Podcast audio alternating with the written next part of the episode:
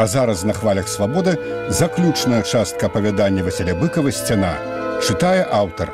Запіс 1997 года. Ён спяшаўся, бо ісці было на край горада, а часу бракавала, ён спазняўся, каб ведаў, куды спяшаўся. Думаў па справе іх святой барацьбы да сябра, а там чакала яго самая чорная здрада. І ён не паспеў падаць каханцы хоць які-небудзь знак, так нечакана абрынулася на яго бяда і знік назаўжды. Вельмі можна было падумаць уцёк ад сяброў ад яе з горада наогул. Ды яшчэ падумаць, што здрадзіў. Можа, усе тое зрабілі іхнія ворагі, каб сябры і яна думалі, што ён прадажнік. І цяпер замест кахання яна яго ненавідзіць. Хіба ж можна кахаць здрайцу, А яшчэ ён не сказаў ёй самага галоўнага слова, усё думаў, збіраўся ды адкладваў. То не было зручнага моманту, то прыдатнага для таго часу, думаў пасля. Не, яму вельмі патрэбна апынуцца на волі. З тая хвіліны, як ён намацаў край каменя, часцей стаў думаць пра яе. Яе мілы воблік паўставаў перад ім у куце, як ён калупаў шкроп тузаў, з'яўлялася ў кароткім сне. І заўжды кепска сумна і гаротна. Ніколі весела гулліва, як няредка было наяве, асабліва, калі яны заставались удвух на яе паддашку. За сценамі шумеў дрэвамі ветер, у вокны пазіралі вузлаватыя сукі клёнаў, а ім так хораша было ў дваіх. Нават без слоў, з маўклівым клопатам адзін пра аднаго і аб іх агульнай і святой справе. Цяпер я мог толькі сказаць, што ён кахае яе і ён не здраднік. Ён ахвяра і няхай яна тое ведае, каб усё па праўдзе, каб яна не думала пра яго інакш, інакш ён не заслугоўвае. Калі б ён ведаў, як тое можа абярнуцца, быў бы тады інакшы.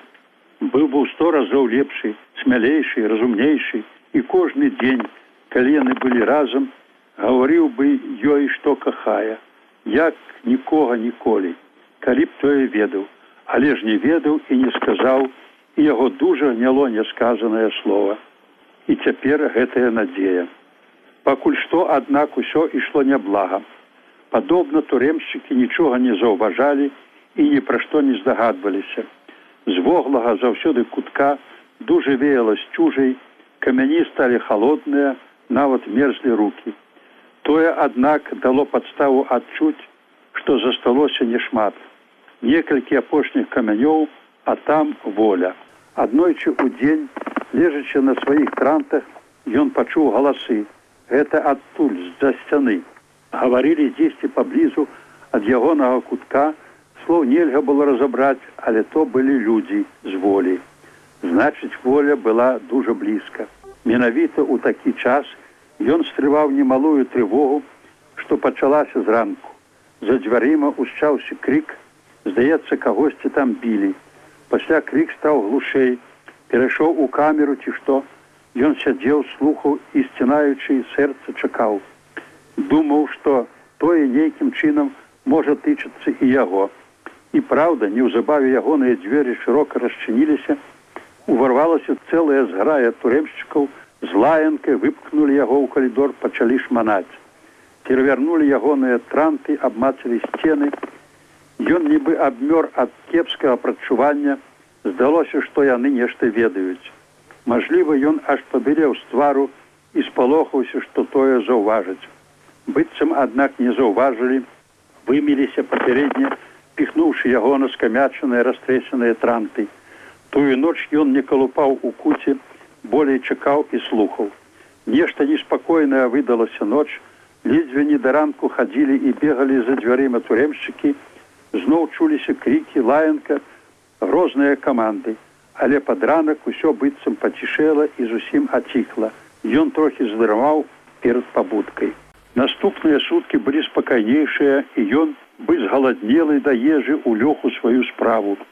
Ён стараўся браць у глыб у самую тоўшчу сцяны, не калупаючы яе ў шыркі. Калі б ухапіцца глыбей, ды яшчэ аберуч, каб ужо выдзерці выкаціць вялікі камень, утварылася б нара лёгка каб толькі якая адтулена ужо б ён прашчаміўся. Што коліч ён накалупаў, але стала невядома, куды дзяваць той каменны друз. Пакінуць у куці было нельга, тое б адразу заўважылі. Разы два ён высыпаў у парашу, якую выносілі зняволеныя пад наглядам туреншчыкаў, але і тое было рызыкова. Хіба з'едаць, пакуль што ён сыпаў друз у чаравікі, што стаялі збоч каля дзвярэй, быццам на відавоку, але змрок не даваў згледзець, што ў іх. Сам быў босы, быццам у абутку яму было горача. Ранкам аднаго дня яшчэ да сніданку, зірнуўшы свой кут, ён ледзьве не страціў прытомнасць, у змроку цьмяна свяцілася вузенькая кароткая шчылінка. Бы светлая стрэмка на глухой чарнаце сцяны. Баючыся, што тое заўважыць наглядчыкі, ён кінуў туды сваю турэмную куртку, неяк захінуў светлую стрэмку. Турэмшчыкі і праўда не заўважылі, але ён падумаў, што годзе. Трэба як найхутчэй ірваць кіпці, іначай усё прападзе. Наступная ноччу ён дамогся новага поспеху, так пашырыў шчыліну, што мог прасунуць у яе абедзве рукі, неяк узяцца за бок каменя. Належала яго рваць на сябе, але ці вырвецца, ці стане ў яго столькі сілы. Усё ж сілы, мабыць, было малавата. Тады ён пачаў варушыць камень, цягнуць і піхаць яго з боку ў бок зверху ўніз. Тое адабрала нямала часу, але дало большы вынік. Здаецца, ён перамагаў каменную пароду з яго слабымі чалавечымі сіламі і яго магутную прагай волі. Нарэшце ён выцер гэты камень, хоць у самага паплылі ад натугі каляровыя кругі ўваччу захлыналася дыханне. У сцяне быў вузкі і глыбокі лаз, з якога патахнула сцюжай і змрокам бязмесячнай ночы, але мусіць у яго не засталося часу. Да ранку былі лічаныя хвіліны, ён адчуваў, што не паспее. І у апошнія хвіліны можа здарыцца бяда. З вялікую асцярога ён ускаціў камень на ранейшае месца, доўга круціў яго, пакуль уладкаваў дакладна туды, дзе ён ляжаў заўсёды. Неяк затуліў трантамі шчыліны. Здаецца, і зблізку нічога не было відаць, але каленя ўчыніць шмон. Калі будзе шмон, усё прапала той дзень ён пачуваўся бы на іголках.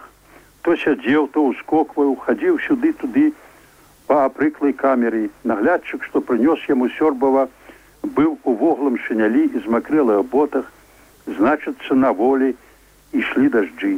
Здаецца настала весна значыць ён дамогся нейкага выніку толькі праз паўгода. І яго не выкрылі ужо гэта было удача нечуванае небывалае жахліва калі ўсё сарвецца ў апошні час у апошнія хвіліны. Яму б толькі дачакацца начы. Але настала і ноч. Турэмшчыкі паводзілі сябе як заўжды. Прынеслі вячэру змянілі парашу. Ні ў іхніх паводзінах ні ў позірках здаецца не было нічога што выклікала б у яго трывогу. Ужо ён бы заўважыў. Ягоны зрок і слых сталі цяпер бы на пятыя струны бы лазерны прамень ён заўважаў усё. Надта шмат цяпер залежала не ад яго, ад іншых. І ён настроіўся на іншых, на ягоных турэмшчыкаў. Што залежала ад яго, ён зрабіў усё, нават болей, чым спадзяваўся. Ён хваляваўся, увечары не здолеў з'есці сваю пайку хлеба, не лезла ў горла і не ведаў, куды яе схаваць. Няз'едзеная яна магла выклікаць падазрэнне і выдаць яго сунуў яе ў чаравікі да паловы засыпаныя друзам, а сам ужо прызвычаюся босы. Як босаму будзе там на волі не хацелася думаць. Галоўнае, каб вырвацца на тую волю. Як добра уцямнела і за сцяной аціхлі ўсе шолахі шумы, стаў на калені і перахрысціўся.